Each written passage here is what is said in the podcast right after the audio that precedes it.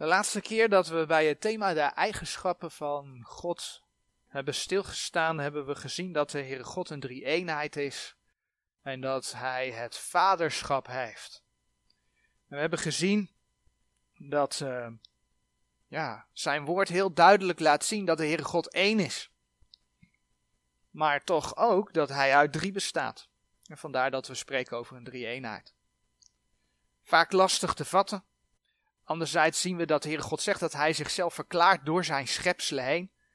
En we weten dat de mens bestaat uit drie. De Bijbel bevestigt dat ook. Geest, ziel en lichaam. En zo bestaat de Heere God ook uit drie. Nou, waarom zien we dat mensen vaak moeite hebben met de drie-eenheid? Vaak gaat dat hand in hand met het feit dat mensen ook moeite hebben met het feit dat de Heer Jezus God is. Maar juist het feit dat de Heer Jezus God is, dat, dat, dat maakt het mogelijk dat God in een menselijk lichaam naar de aarde kwam, waardoor hij zijn bloed, waardoor hij zonder zonde was, waardoor hij zijn bloed voor ons mensen kon vergieten. Dus de redding zit hem juist in het feit dat de Heer Jezus God geopenbaard in, uh, in het vlees was. Dus dat is triest voor mensen die de godheid van de Heer Jezus naast zich neerleggen. Daarnaast zagen we dat de Heer het vaderschap heeft.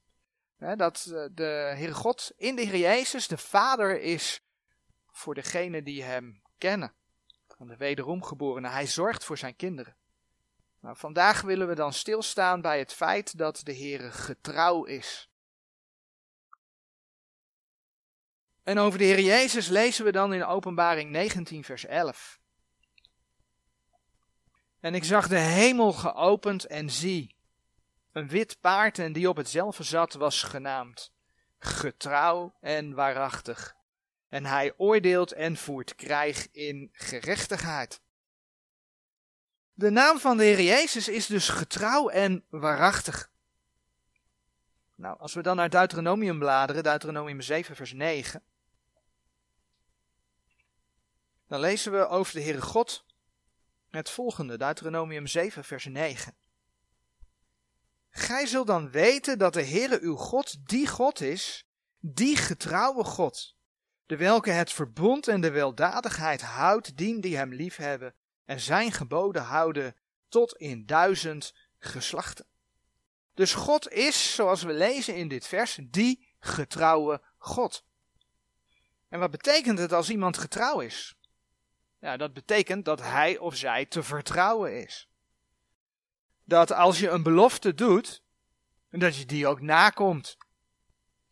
Of dat je iemand niet alleen laat, dat je iemand niet in de steek laat. En dat is precies hoe we onze Heren door zijn woord mogen leren kennen. We hebben in deze serie, de eigenschappen van God, onder andere stilgestaan bij het feit dat de Heere onveranderlijk is. Als we terugbladeren naar nummer 23, vers 19. De Heer is onveranderlijk. Dat de dingen die Hij vast heeft laten leggen in zijn woorden, dat die ook echt komen. Want, zegt uh, nummer 23, vers 19, God is geen man dat Hij liegen zou. Nog eens mensenkind dat het hem berouwen zou. Zou Hij het zeggen en niet doen, of spreken en niet bestendig maken. Zo had de Heer het volk Israël belofte gedaan over het land waar zij naartoe gingen. En ondanks al het gemopper van het volk, hè, wat we in, in, in, onder andere in Exodus lezen, maar ook in Numeri. Ondanks het, het gemopper van het volk zien we dat de Heer zijn volk in het beloofde land doet aankomen. En het is mooi om dan te lezen wat uh, in een van zijn laatste toespraken het volk zegt. In eh, Jozua 23, vers 14. Jozua 23, vers 14, daar lezen we: En zie, ik ga heden in de weg der ganse aarde, en gij weet in uw ganse hart en in uw ganse ziel, dat er niet één enig woord gevallen is van al die goede woorden, welke de Heere uw God over u gesproken heeft. Zij zijn u alle overkomen, er is van dezelfde niet één enig woord gevallen. Dus de Heer zegt, wat hij zegt, dat doet hij. We hebben in het verleden wel gekeken naar de profetieën die over de eerste komst van de Heer Jezus gedaan zijn, al ver voor zijn geboorte. Het is allemaal in vervulling gegaan. Wat God zegt, dat doet hij. Gods woord klopt van A tot Z, omdat mensen, omdat de Heere God niet liegen kan.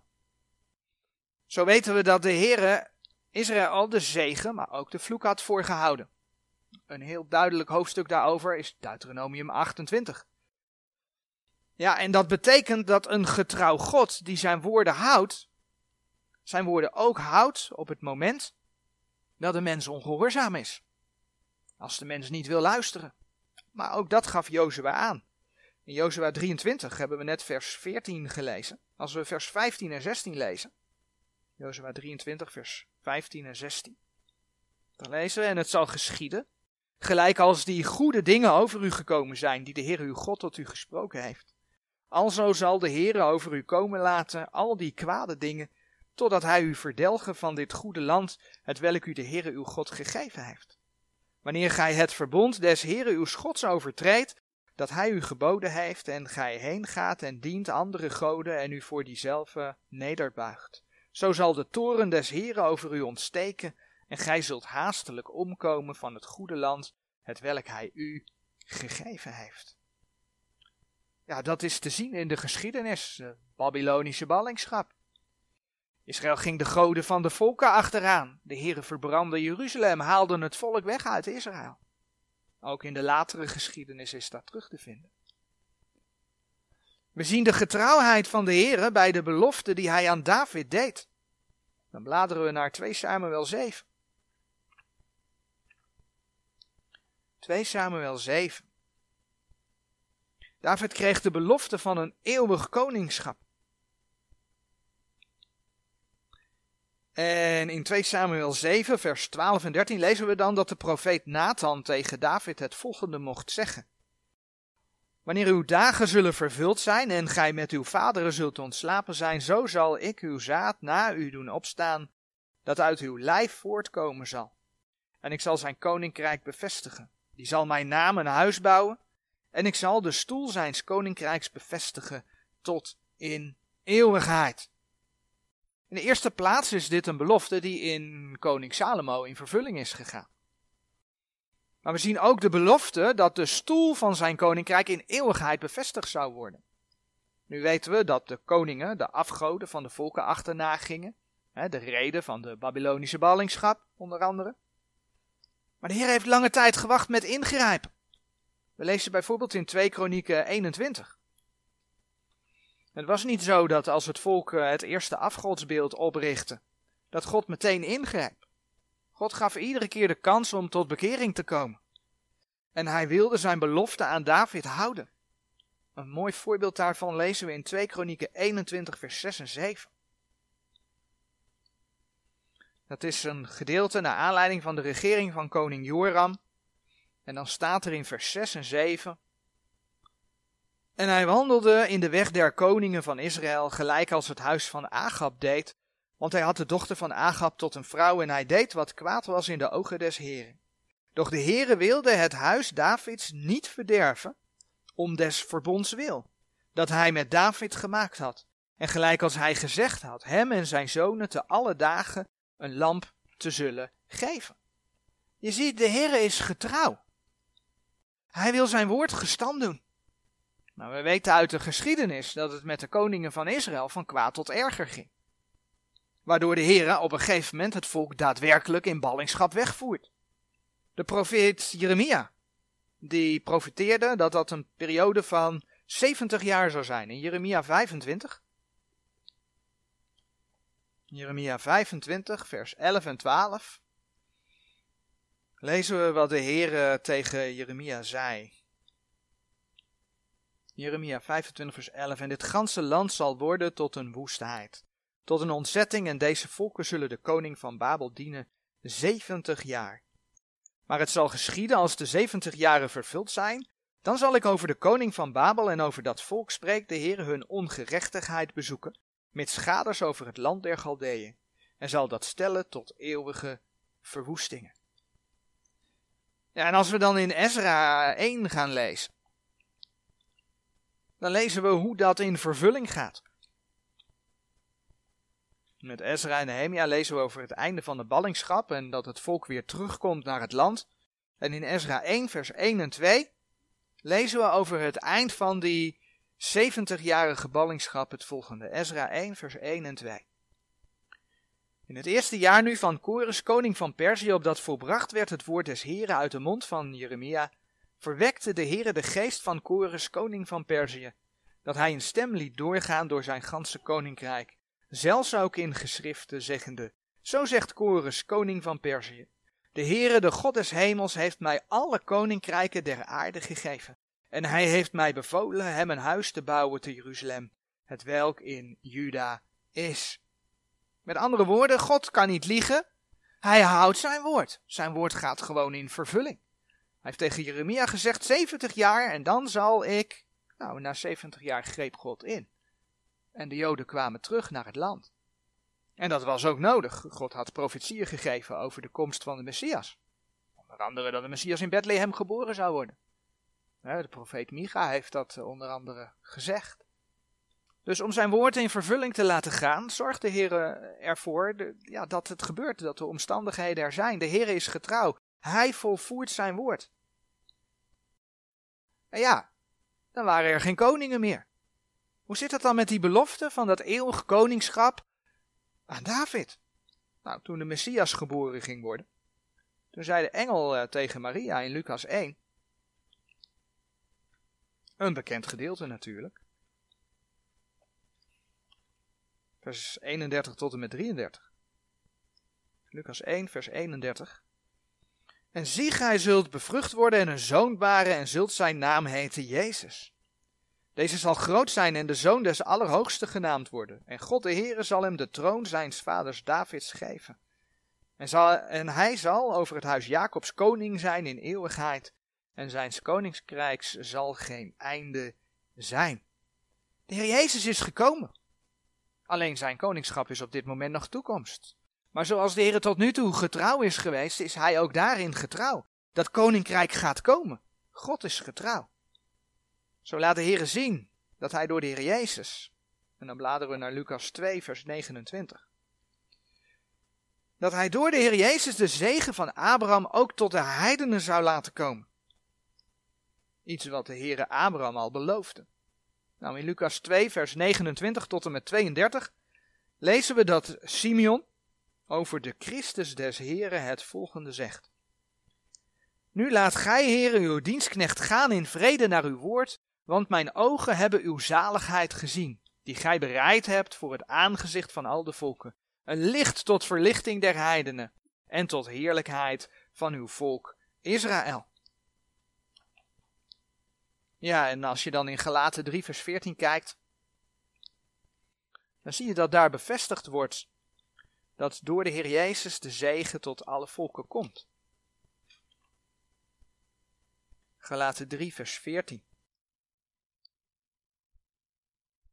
Opdat de zegening Abrahams tot de heidenen komen zou in Christus Jezus en opdat wij de belofte des geestes verkrijgen zouden door het geloof.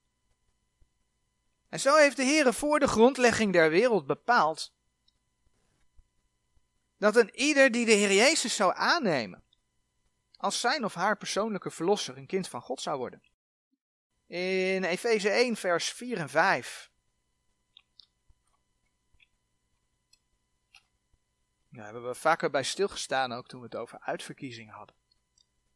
Lees je, in die verse lees je wat de Heer voor de grondlegging der wereld bepaald heeft. Gelijk hij ons uitverkoren heeft in hem voor de grondlegging der wereld, opdat wij zouden heilig en onberispelijk zijn voor hem in de liefde.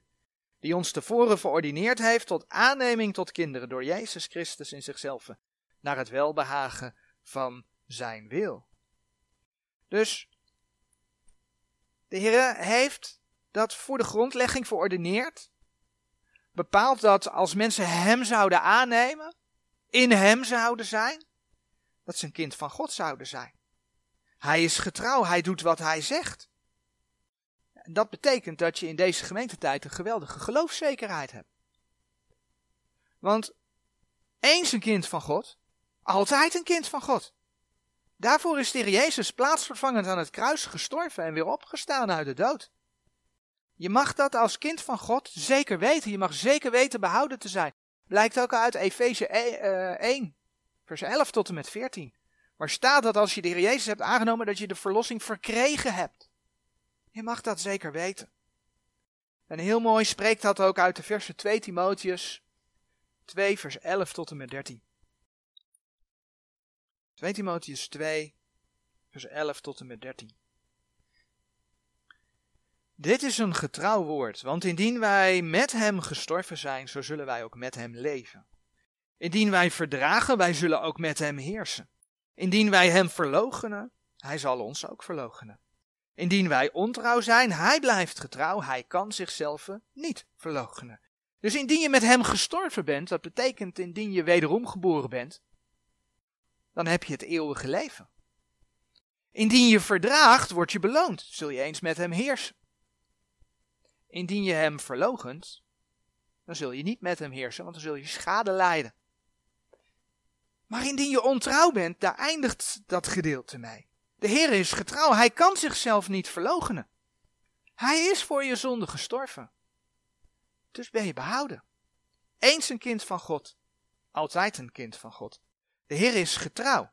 zoals Romeinen 11 vers 29 uh, zegt. Romeinen 11 vers 29. Want de genadegiften en de roeping Gods zijn onberouwelijk. Nou, wat is die genadegift? Die genadegift is het eeuwige leven. Ik lees hem nog één keer. Want de genadegiften en de roeping Gods zijn onberouwelijk. En dan lees je in Romeinen 6, vers 23 wat die genadegift is. Romeinen 6, vers 23. Want de bezoldiging der zonde is de dood, maar de genadegift Gods is het eeuwige leven door Jezus Christus onze Heer. Dat is onberouwelijk.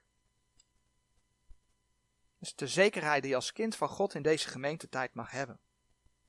En als kind van God zorgt de Heer voor je. Ook dat mag je weten. Je mag weten één te zijn met de Heer. 1 Korinthe 6 vers 17 spreekt daarover. Dat je één geest bent met Hem. En dan zegt 1 Korinthe 1 vers 9. Zo mooi. 1 Korinthe 1 vers 9. God is getrouw. God is getrouw. Door welke gij geroepen zijt tot de gemeenschap van zijn Zoon, Jezus Christus, onze Heer. Nou, betekent dat dat het leven altijd makkelijk is? Nee, dat betekent het niet. Absoluut niet. Ook als christen kom je allerlei moeilijkheden tegen. En laten we zeggen, juist als christen kom je allerlei moeilijkheden in je leven tegen. Maar ook daarin is de Heer getrouw. Want in 1 Korinthe 10 vers 13 staat geschreven. 1 Korinthe 10 vers 13. Uw lieden heeft geen verzoeking bevangen dan menselijke. Doch God is getrouw, welke u niet zal laten verzocht worden boven hetgeen gij vermoogt. Maar hij zal met de verzoeking ook de uitkomst geven, opdat gij ze kunt verdragen. Is het makkelijk? Nee, het is niet altijd makkelijk. Maar de Heere helpt je, zodat je het kunt verdragen. En je hebt dat machtige vooruitzicht, omdat je mag weten een kind van God te zijn. Eens een kind van God, altijd van een kind van God. In dat alles zien we, de Heere is getrouw. De volgende keer zullen we dan bij nog weer andere eigenschappen of een eigenschap, dat weet ik nog niet, van de Heer God stilstaan. Amen.